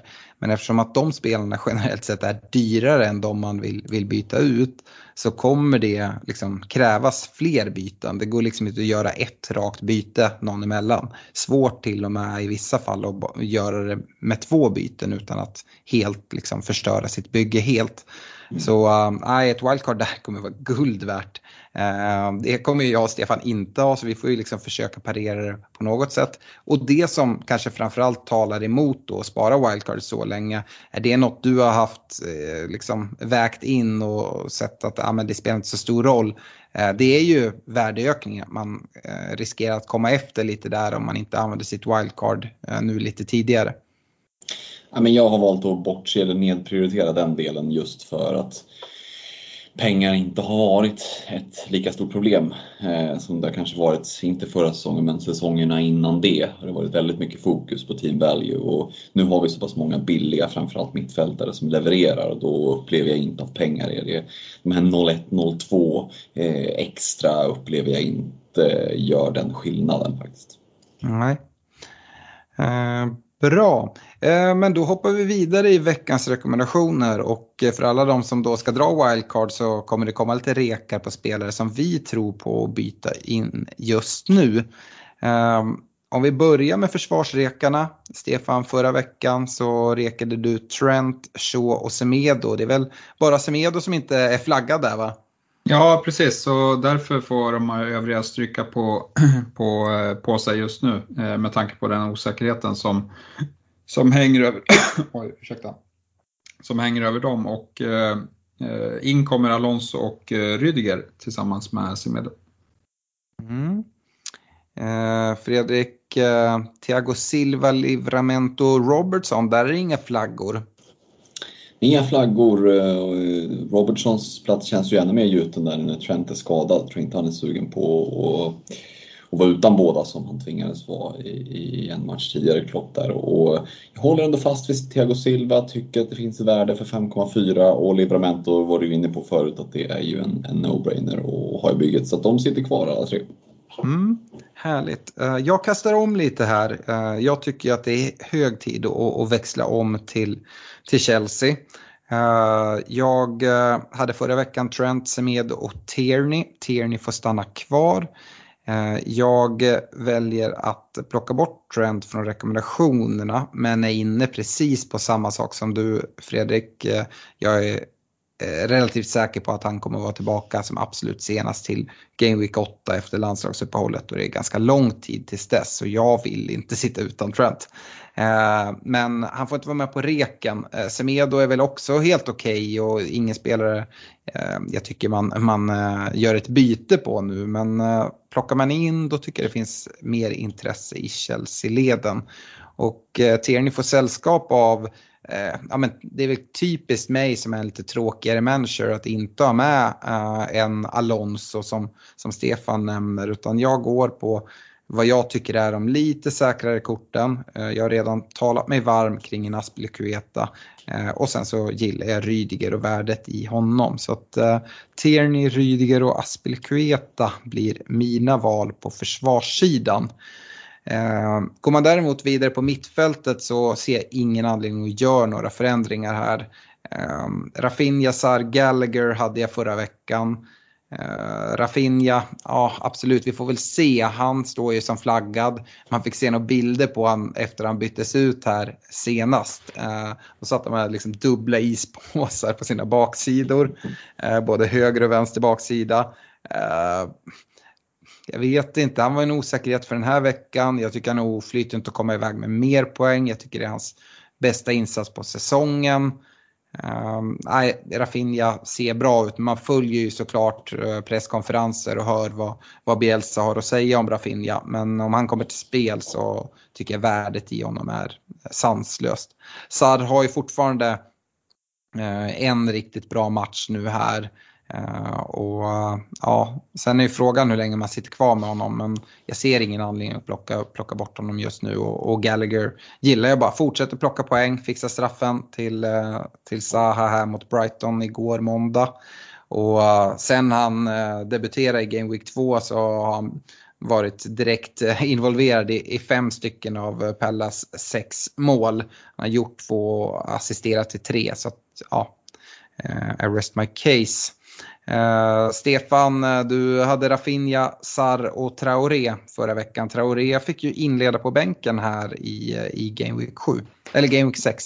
Ja, precis. Så han, han är ju ett lätt, eh, lätt byte här, eh, tycker jag. De har en match mot Newcastle, men sen, sen har de lite tuffare matcher, även om det är okej. Okay. Men, men som sagt, osäkerheten med hans startplats gör att han ryker och sen eh, ryker Sarr också. Eh, jag tycker man har fått de poängen som man kikade mot, eh, eh, mot på Sarr och eh, jag kikar vidare mot andra spelare. Däremot Rafinha, han får sitta kvar trots ispåsarna. Nej, men jag tycker att han han, han var bra. Eh, han var bra matchen innan det också. Eh, och eh, ja, men spelar han då, då är han eh, superbra att ha. Och han får sällskap av Saka och eh, Graylish. Mm, där letar sig Graylish in. Eh, Fredrik, eh, vi har varit ganska lika här med Rafinha och Sar. Du hade en eh, Demirai Gray också från Everton förra veckan. Ja men precis, eh, Gray och, och Rafinha får vara kvar men jag är inne på Stefans linje och, och skeppar Sar från Reken. Eh, han sitter ju till exempel i mitt bygge och där får han nog vara kvar ett tag men hade jag inte valt att gå på Sar hittills nu så hade jag nog inte kanske plockat in honom i det här läget. Utan jag väljer att sätta Grealish där. Jag eh, tycker att det är fullt rimligt att ta in honom eh, redan nu, eh, även fast man ska möta Liverpool. Eh, för schemat som kommer därefter är bra och vi såg att kan Brentford göra tre på Liverpool så är jag helt övertygad om att City också kan det. Ja. Eh, på forwardsidan så eh, hade du Bamford Antonio eh, och eh, Bamford är flaggad. Eh, kan väl komma till spel till helgen ändå tror jag men eh, det är inte säkert. Nej, och samtidigt känns det som ett ganska bra läge då att växla honom. Och nu kommer jag vara lite tråkig. Jag satt och liksom kikade lite här och nu, nu, finns det ju liksom ingen rolig Bobby Reed att slänga in och, utan ibland, ibland ska man inte spela Allan Ballan eller vad du brukar säga Alex utan här, är, här känns det som att det ska vara Lukaku och Antonio. Det är det tvåmannaanfallet som jag räknar med att sitta till helgen eh, med och eh, ja, jag tycker att de två sticker ut nu som de två tydligaste liksom, anfallstillgångarna som, som jag vill ha i bygget. Lukaku och Antonio, de eh, satt du med förra veckan Stefan. Jag antar att det inte blir någon större skiftning där va? Nej, det går inte att flytta på de två gubbarna här. Nej. Eh, jag vet att det är folk som funderar lite kring, kring Antonio här när eh, spelschemat vänder lite för West Ham. Jag tycker han ser helt unplayable ut så liksom måste få vara kvar där men eh, um, ja, i ett wildcard så eh, börjar man väl kika runt. Jag jag har svårt att byta ut honom. Jag tycker han är en jävla hjälte. Eh, av, av den anledningen så plockar jag in Antonio den här veckan såklart. Eh, jag hade inte med honom förra veckan. Eh, utan då hade jag Lukaku Bamford. Eh, men Bamford är ju lätt att skifta ut precis som Precis som Fredrik säger så Lukaku och Antonio eh, är, är gjutna för mig.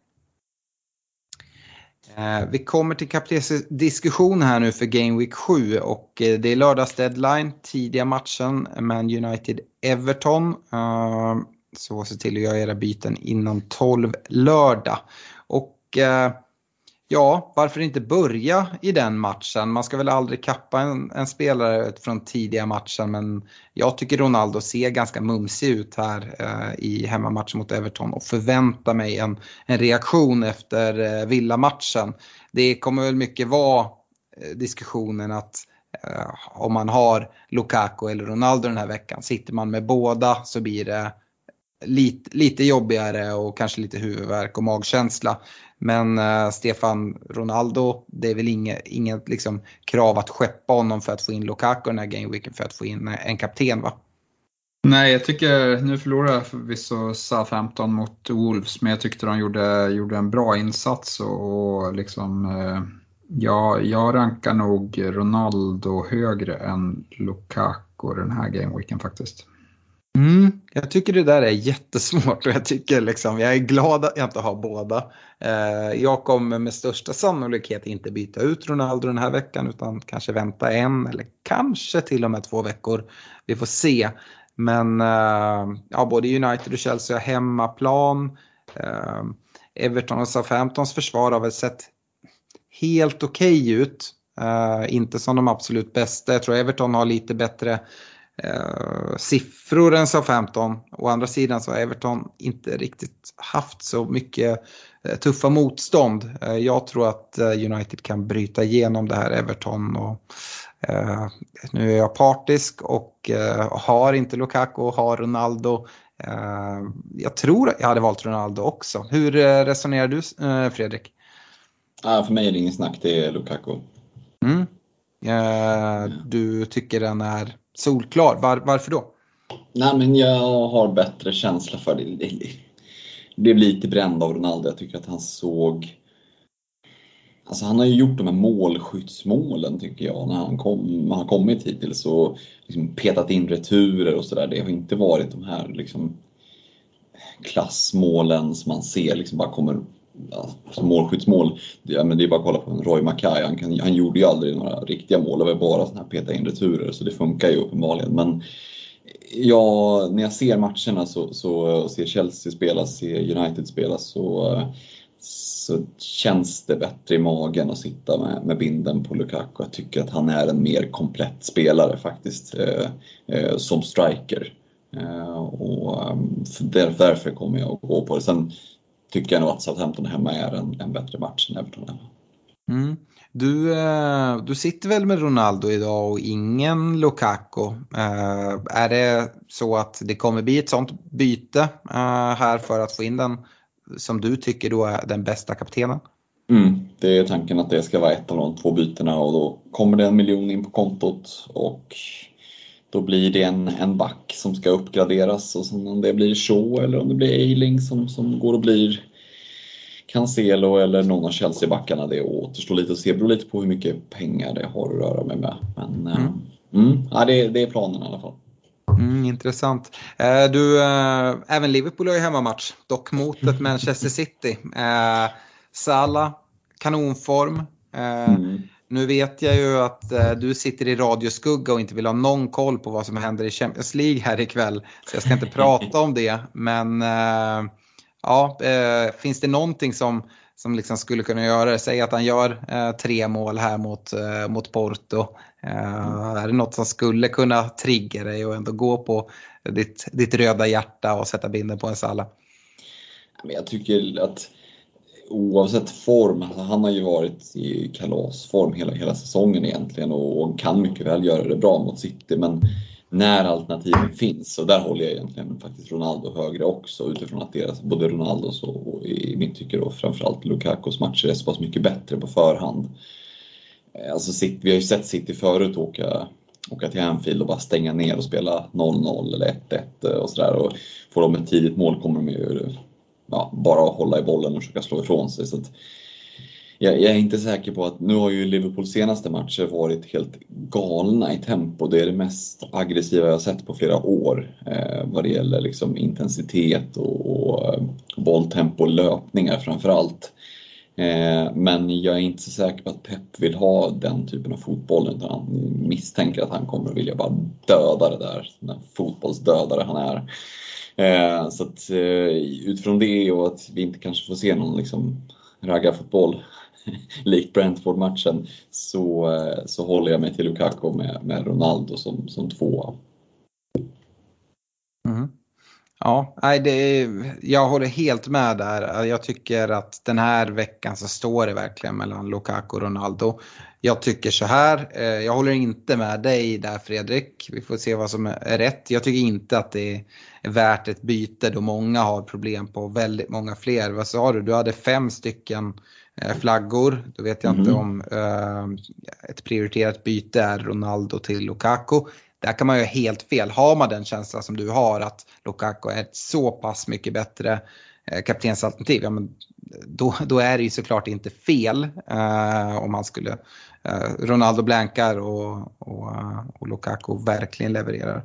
Eh, jag tycker att skillnaden dem emellan är väldigt liten och eh, av den anledningen tycker jag inte det är värt att göra ett byte. Och hade jag haft båda, då hade det varit svårare. Jag är inne på samma spår som dig, att Chelsea är ett bättre lagbygge och att därför kanske tala mer för att Lukaku kommer, kommer få fler lägen. Men mm, Eh, nu har jag inte båda eh, och då är det enkelt för mig att säga Ronaldo. Men eh, jag har också en känsla på att United bara kommer studsa tillbaka. Eh, Stefan, du får gärna utveckla här, för du var också inne på det att du till och med tyckte att Ronaldo var det bättre alternativet om man hade båda. Hur, håller du inte med i det, det Fredrik säger om att Chelsea kanske är ett mer harmoniskt och, och fungerande bygge?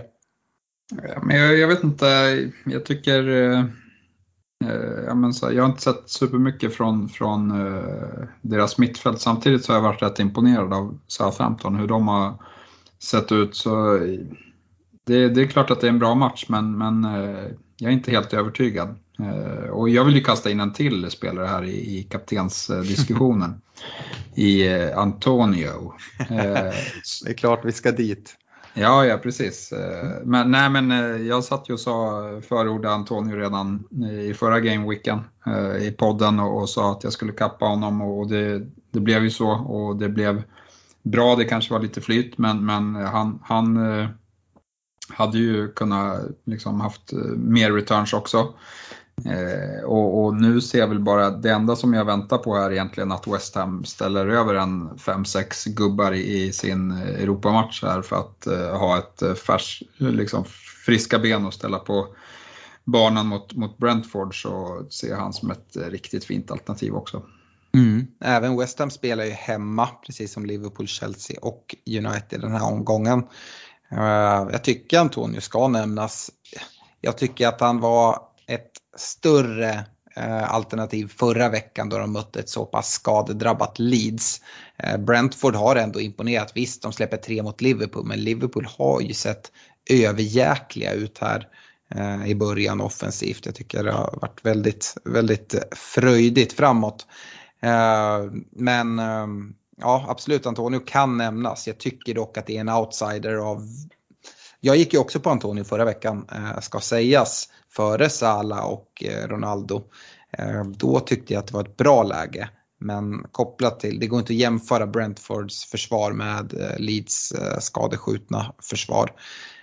Jag vet även att det är vissa som till och med varit inne och fingrat på en, en, en SAR-kapten. De spelar ju borta mot det här skadedrabbade Leeds men samtidigt ryktar det att Leeds kan få tillbaka lite spelare. Jag tycker att det är att gå lite för långt utanför boxen men det kanske bara är jag, att sätta en bindel på Sar. Ehm, jag vet inte, eh, Fredrik, finns, ser du något alternativ? Eh, nu pratar vi om Antonio och Sar. Eh, du får gärna säga något ord om, om båda dem som, som kaptensalternativ. Mm, ja, men gäller Sar där tycker jag 16 procent i TSB gör fortfarande att de poängen är värda tillräckligt mycket för att få dem utan, utan binden Mm. Eh, och eh, jämför man Sara och Antonio så har ju Antonio känslan är att han har ett högre tak. Eh, jag, jag, nu gillar jag ju liksom Antonio som spelare och han har ju uppenbarligen bevisat att han kan leverera, alltså det är helt sjuka siffror, 13, 16, 11, alltså minus 1, 0 och 8. så det, nej, det, det, mm. taket är ju väldigt, väldigt högt. Han har vicebinden i, i, i mitt bygge, det är väl inte närmare än så han kommer, men mm. nej, jag gillar spaningen. Mm. Eh, vi går vidare med lyssnarfrågorna och eh, det har kommit en hel del så det vill vi bara köra på. Det har bland annat kommit en hel del wildcards-frågor. Stefan Joakim Johansson, eh, han har två frågor. Dels så eh, undrar han i ett wildcard då vem vi tror mest på, Saka eller Gallagher under då en längre tidshorisont. Och eh, nu får Arsenal-hjärtat eh, kliva lite åt sidan här.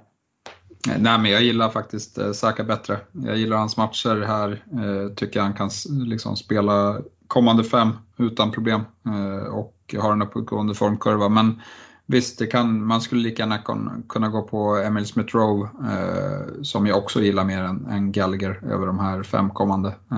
Så det, det, är väl lite hur, hur, man vill lägga upp budgeten. Men jag tror på Arsenal. Fredrik, eh, är det Arsenalhjärtat Arsenal-hjärtat som pratar hos, eh, hos Stefan eller har han en poäng i Arsenal-grabbarna före Gallagher? Ja, men kanske både ja och nej. Eh, för min del så håller jag nog kanske Smith Rowe före. Men det är före Gallagher. Saka är lite mer osäker på, men det har lite mer med pris att göra. Jag tycker att det skiljer lite för mycket med, i pris. För mig är Smith Rowe en men, man går upp lite på sin femte mittfältare så kan han sitta bänk men ändå spela. Eh, Saka är ju uppe med på en nivå likt Sarra Finja där och det har ingen lust att bänka och spela honom vecka ut vecka in. Nej, jag vet inte, jag tycker att han producerar lite för lite poäng för min smak. Mm. Eh, så att eh, Smith Rowe före, eh, före Gallagher och Gallagher före, före Saka kanske. Ja, och för att göra det ännu svårare för Joakim så ja, min kärlek för Gallagher slutar liksom inte. Jag håller honom för Arsenal-grabbarna. Eh, och ja, jag, jag vet inte, det är en spelare jag verkligen, verkligen gillar och ser fram emot och förhoppningsvis få se på poddresan. Inga, inga avstängningar eller skador hoppas vi där. Eh, han har en andra fråga eh, som du kan få svara på Fredrik. Han undrar om man vågar gå utan en Chelsea-back om man redan sitter på eh, Cancelo, Trent och Semedo. Ehm, ja, eh, mm. inte ha någon Chelsea-försvarare.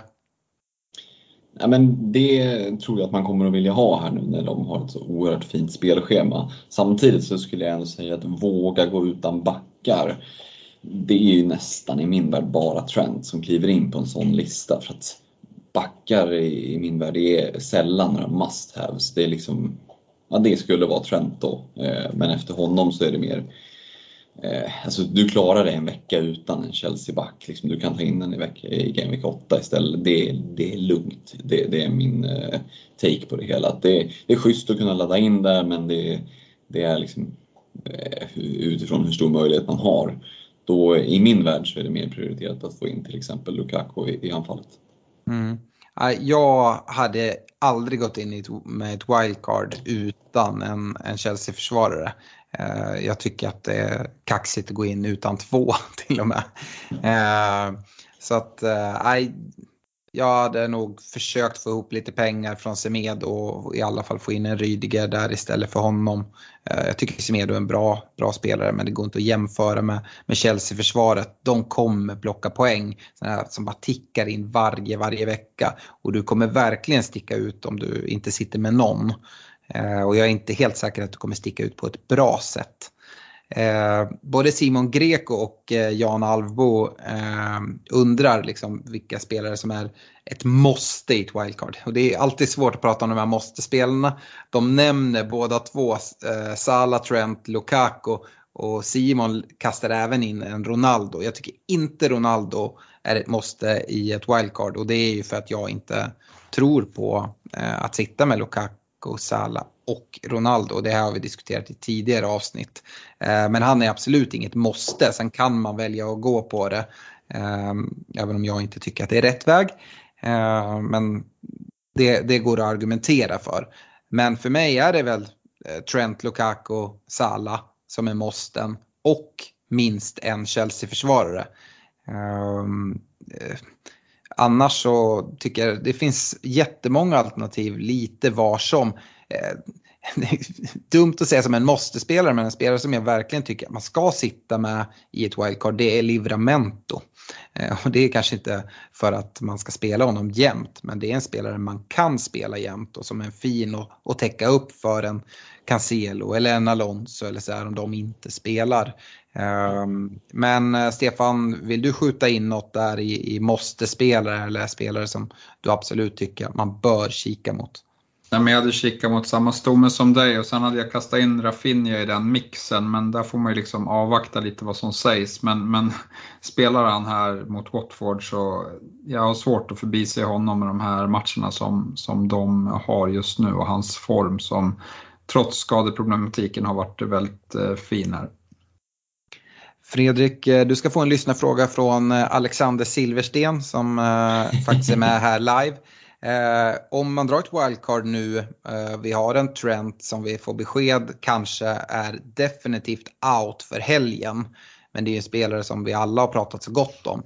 Eh, är det eh, en, en måste-spelare att ha, tycker du? Eh, eller kan man välja att gå utan honom nu när han är, är borta? borta. Eh, risken är väl att man vill ha tillbaka honom ganska snabbt. Men ja, hur, hur resonerar du? Ja, men alltså eh, om man väljer att gå utan honom och tänker att man ska byta in honom så är ju i princip enda sättet är att ha Robertson som någon form av placeholder och sen ha lite pengar på banken.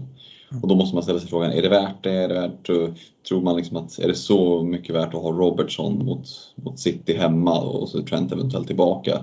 Eh, till, till gameweeken på efter landslagsuppehållet. Nej, det tycker inte jag. Då, för då har du liksom, dessutom ska du då göra ett byte där. och Då har du liksom låst byten och wildcard och sen låsa byten. Det brukar sällan eh, slå väl ut. Jag hade valt att plocka med Trent om det inte visar sig att det är väldigt mycket allvarligare. Nu är det ju ljumskarna så alltså det är ju alltid lite sådär smålurigt men vi tror väl ändå att han ska kunna vara tillbaka efter landslagsuppehållet i alla fall och då, då är han given i, i ett wildcard-bygge för min del. Ja, absolut. Eh, jag håller med i mycket av det. Jag ville bara kolla lite hur, hur, du såg på det. Eh, vi har fått en väldigt bra fråga från Marcus Bergdahl Johansson. Stefan, vi pratar ju ofta om att det är viktigt att sitta med två fria byten när det blir landslagsuppehåll. Och han undrar då om man nu har två fria byten till Game Week 7, bör man då bara använda ett för att kunna ha två eh, till Game Week 8? och kunna sitta, sitta med två fria då. Han vill ju såklart få in Chelsea-spelare precis som, som alla andra. Ja, nej men det är alltid lätt att säga att man vill ha två byten, men det hade jag också velat haft. Men, men nu kommer det inte bli så för att eh, skadekrisen har gjort det omöjligt för mig. Och dessutom tycker jag att när man har ett sånt här läge att kliva på Chelsea tidigt i det där spelschemat så är det också en faktor som, som spelar in. Eh, men har man ett bra lag och kan, kan eh, klara sig med ett byte här, då hade jag ju gjort det. Eh, jag sitter inte i den sitsen dock och kommer använda mina två fria byten i Game Week 7. Ja, jag delar helt din syn där. Eh, och jag delar ju Marcus syn. Jag vill jättegärna ha två fria byten. Däremot tror jag att det är väldigt få som, eh, som kan sitta så eh, i dagsläget. Dels med alla flaggor, men dels också att man, det är värt att få in de här Chelsea-spelarna som kommer att stiga i värde nu då många byter in dem. Och, och de är väldigt fina, både nu till Game Week 7 och sen även fortsatt framåt. Eh, jag, jag, tycker det är värt att liksom, ja, men, få in de spelarna och ha, nyttja de här två bytena. Eh, och skulle det vara så sen att det är lite kaos inför Game Week 8, ja då får man dra minuspoäng. Eh, jag tycker inte om att dra minuspoäng, men det finns ju lägen då det, då det är värt att göra det och det är inte säkert att du kommer stå i, i den situationen. Så att ehm, det beror på, eh, precis som Stefan är inne på, vad du har för bygge. Men i de flesta fall tror jag att det kan vara värt att, att nyttja dub, dubbelbytet här till, till Game Week 7. Eh, Fredrik Robert Jonsson, han har ett fritt byte. Han sitter med Traoré och Bamford i laget eh, och behöver spela de här två eh, på grund av en svag bänk. Undrar om det kan vara värt att ta minus 4 för ett dubbelbyte och är då inne på en eh, Smith Rowe eller en Boemo eh, samt en Jimenez. Mm. Där får man ju såklart avvakta och se lite med Bamford. Eh, om det är så att han eh, kommer tillbaka här, då är det en fin match och ett fint schema. Så då, då ska han ju ingenstans ur bygget, utan då kan man ju foka på att, eh, att kanske växla Traoré till en Smith Rowe till exempel. Eh, visar det sig att Bamford mm, ja, men kommer vara borta och missa ett antal veckor, då får man ställa sig frågan, kan man hålla honom liksom Ja, nu skulle han spela, behövde spela båda positionerna, ja då är det ju lite värre. Eh, om man inte ens kan få ihop fullt lag, för annars kanske man hade kunnat hålla honom på bänken den här gameweeken och sen tänkt att han kommer tillbaka efter, efter landslagsuppehållet. Men ja, då kanske det, om det är så att man inte får ihop fullt lag, eh, då brukar man prata om att den här minus 4 egentligen bara effektivt blir en minus 2 eh, eftersom att den du byter in eh, garanterat nästan får två poäng och, och annars hade det varit noll. Så att, eh, det brukar vara sånt där Twitter-argument för att dra minus fyra eh, och, och, kanske att det håller i, i ett sånt fall. Mm. Nej, jag tycker inte att det är helt fel. Uh, samtidigt som sagt man håller såklart koll på presskonferenser. Eh, gällande Traoré kan man väl säga det, jag inledde ju på bänken här eh, i senaste gameweeken men fick komma in och eh, det var väl ett läge där då Jiménez egentligen bara skulle serverat honom. Sen hade han ju förmodligen bränt i alla fall eftersom att han är just Traoré. Men eh, då hade han ju haft ett kanonläge. Och eh, jag tyckte kanske inte att Traorés ersättare imponerade supermycket i den här matchen. Eh, och eh, både Trincao och Traoré fick, fick indela på bänken. Men tyckte inte att konkurrenterna stärkte sina positioner. Så det kan mycket väl vara så att Traoré startar till Game Week 7 också. Det vore ju eh. tjänstefel att bänka honom när det kommer vara svängdörrar mot eh, Newcastle. Man kan ju tänka sig hur mycket yta han kommer ha och löpa på. Ja, man kan tycka det. Eh, så att det är liksom ett dubbelbyte och minus fyra som skulle kunna slå, slå fel ut. Jag tycker det kan vara värt dock att lyfta upp en Boemo som man nämner här. Vi har inte pratat Brentford någonting.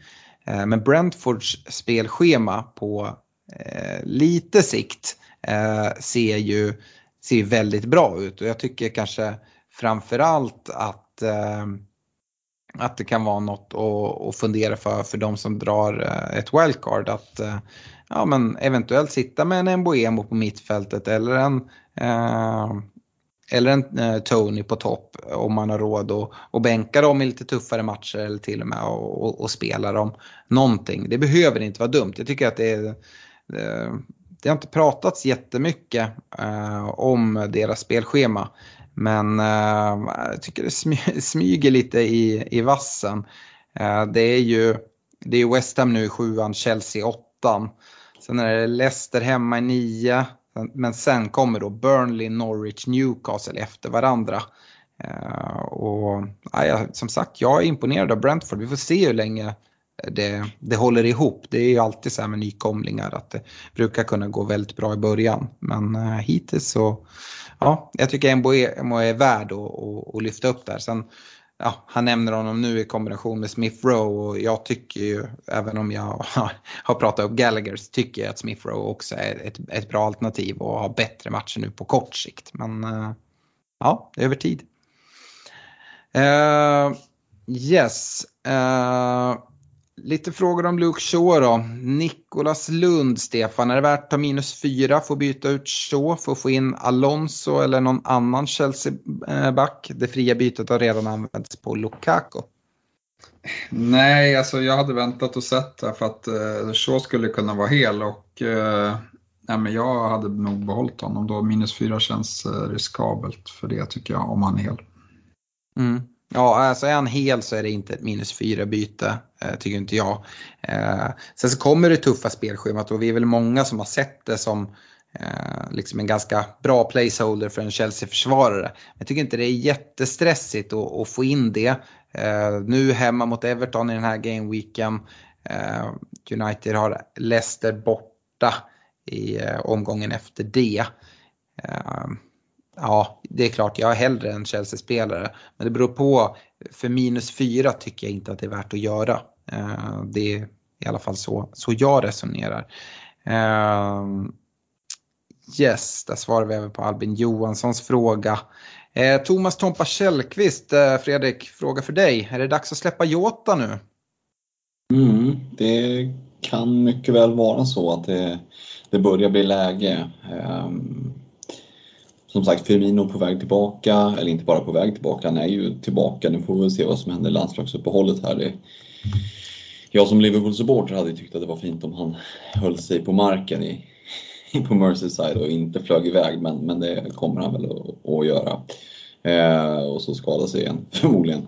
Eh, så det är väl det som skulle kunna göra om man nu har andra bränder som brinner mer våldsamt, att man väljer att släcka dem och tänka att ja, kanske får Jota spela mot City och sen då att han har goda chanser att få spela Watford borta i Game Week 8 om, om Firmino har varit ute på, på vift. Men eh, jag är inte jätteförtjust i, i eh, Liverpools spelschema. Ja, de ser väldigt eh, fröjdiga ut offensivt, det håller jag med om. Men eh, den här mittfältsplatsen, ja, mm, det är klart det är en... Han är ju en mittfältare, listad som mittfältare men spelar ju striker så att det det kanske inte det jag hade valt att prioritera och byta ut men sitter man med ett bygge där man blickar mot lite andra spelare så, så tycker jag inte det är fel att, att börja ja, men kika på hur man ska kunna ersätta honom. Nej, jag har ju lovat att inte avslöja allt för mycket om Champions League men jag kan ju säga som, så att Firmino blev inbytt idag i alla fall så han är ju tillbaka. Mm. Eh, så ja, eh, jag tror ju ja, som sagt, det beror ju helt på med, med, eh, med landslaget. Men om Firmino åker iväg så ser jag det som gjutet att Jota kommer spela i, i eh, Game Week 8 som, är det mot Watford de, de möter? Mm. Watford borta. Eh, ja, det är ju en bra match. Mm. Eh, men eh, ja, vi får se lite hur, eh, vad som händer, hur Klopp uttalar sig här efter efter Firminos eh, spel eh, i dagens Champions League. Eh, Carl Kviding, han sitter med både Jota och Torres inför nästa Game Week. Och han frågar oss, Stefan, om man bara har ett fritt byte, vad, vad gör man då? Han har Duffy och Sissoko som kommer in från bänken om de inte spelar. Jota och Torres sa du? Ja. Ja, Nej, men Torres känns ju inte så jättehet eh, här och nu. Eh, så han hade jag väl kanske prioriterat och sen hoppats på att eh, Jota får den här matchen mot, mot Watford när, efter landslagsuppehållet om, om det stökar med, med Firmino. Jag tycker Jota har gjort det bra också så att det, det är inte så här att det är upplagt att Firmino bara ska gå rakt in i elvan igen. Visst i vissa matcher men, men jag tror Jota kommer spelar rätt mycket. Eh, så jag hade nog behållit honom eh, utav de två. Mm.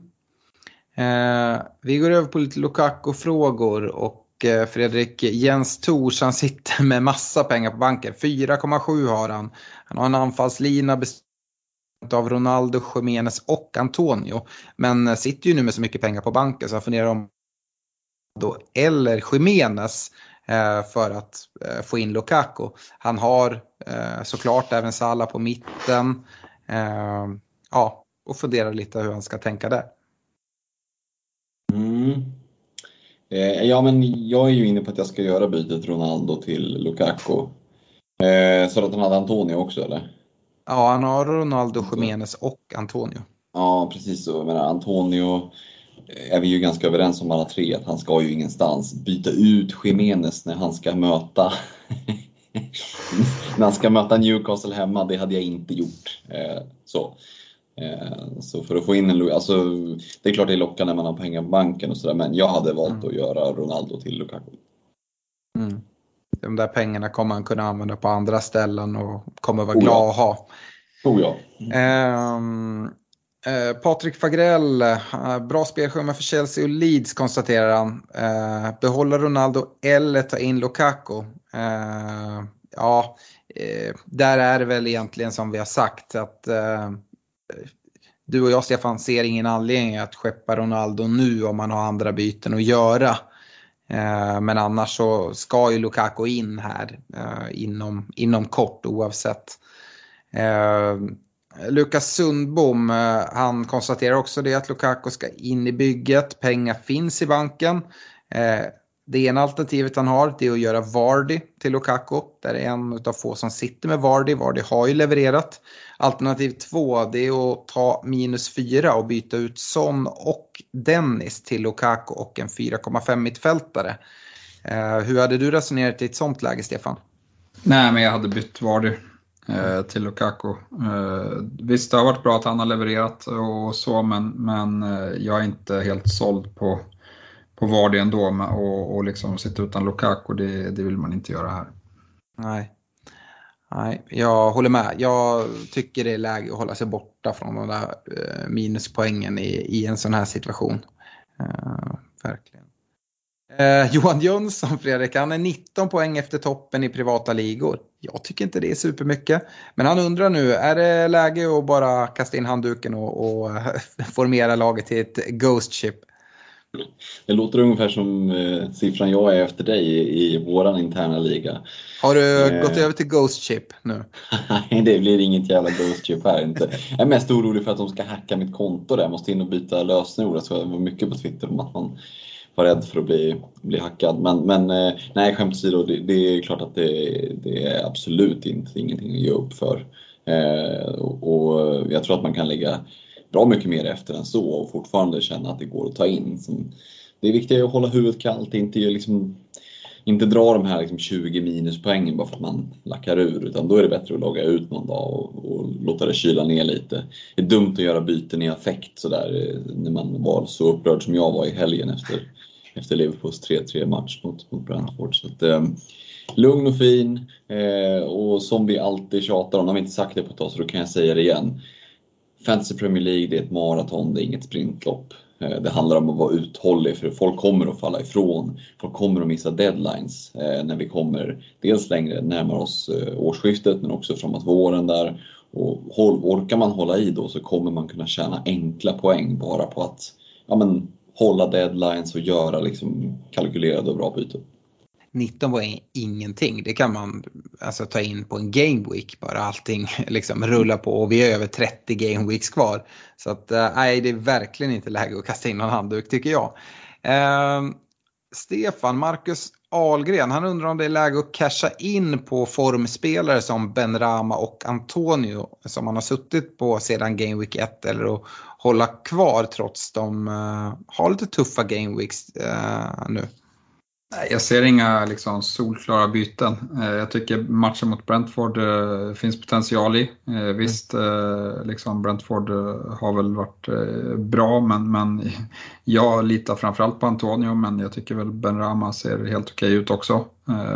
men om det är någon av dem jag skulle byta kika på att byta ut så är det ju Ben Rama. Men, där tycker, men jag tycker man kan vänta till efter landslagsuppehållet och ha lite mer info. Eh, och, och liksom, det finns spelare och och blicka mot eh, eh, då också i den prisklassen. Så att eh, nej, det är mitt råd. Eh, helt med dig där, eh, inget prioriterat byte. Sitter man på ett wildcard däremot så hade jag nog växlat ut Ben Rama. Eh, tror ändå jag hade suttit kvar med Antonio, eller är ganska säker på det.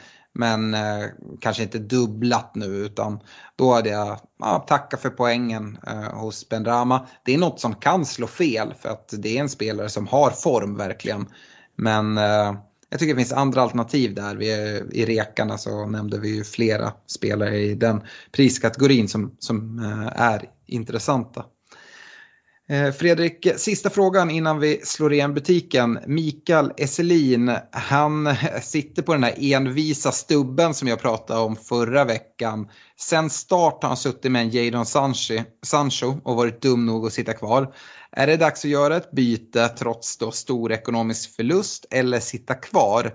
Eh, han tror på honom sett över hela säsongen och hade, hade från början då tänkt ha kvar honom bredvid Salah egentligen hela året. Men ah, det är väl läge att eh, liksom hålla upp händerna och bara säga jag var en idiot va? Ja, åtminstone resa sig upp från stubben och backa långsamt ut rummet. Ja. Eh, ta, ta, de där, eh, ta den där pengaförlusten och ändå kunna byta. Om man nu ska försöka se liksom någon, något positivt i att sitta med Sancho så är det ju att när du väl ska byta ut honom så kan du välja ganska många mittfältare att plocka av. Du kan ju till exempel gå ner till Grealish och ändå få pengar över. Och, och ännu bättre ner till nivån på Sarro, Rafinha och Gray och alla de här. Då, då kan du få loss väldigt mycket pengar och ha möjlighet att investera det.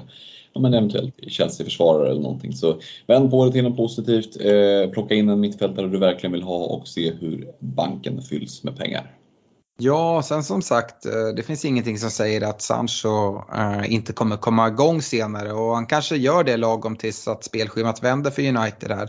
Men Eh, med det här tuffa spelschemat, med så som Sancho har sett ut nu. Det finns liksom inget att vänta på. Här är det bara att kliva av nu fort och sen får man kliva på när man ser dels bättre spelschema men kanske framförallt tydligare tendenser i, i hans spel och att han börjar komma in i laget lite bättre. Eh, det tycker jag verkligen. Eh, med det så tackar vi för den här veckan. Vi är tillbaka igen nästa vecka då vi ska summera Game Week 7 och eh, eh, ja, går in i landslagsuppehåll helt enkelt. Stort tack för att ni har lyssnat och på återhörande. Ha det bra! Ha det bra! Ha det gott! Ciao!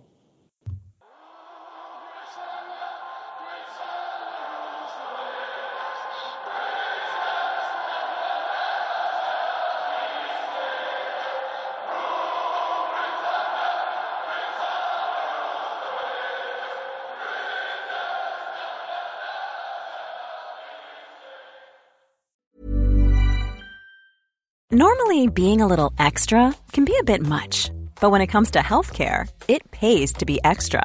And United Healthcare makes it easy with Health Protector Guard fixed indemnity insurance plans. Underwritten by Golden Rule Insurance Company, they supplement your primary plan, helping you manage out of pocket costs without the usual requirements and restrictions like deductibles and enrollment periods. So when it comes to covering your medical bills, you can feel good about being a little extra. Visit uh1.com to find the Health Protector Guard plan for you.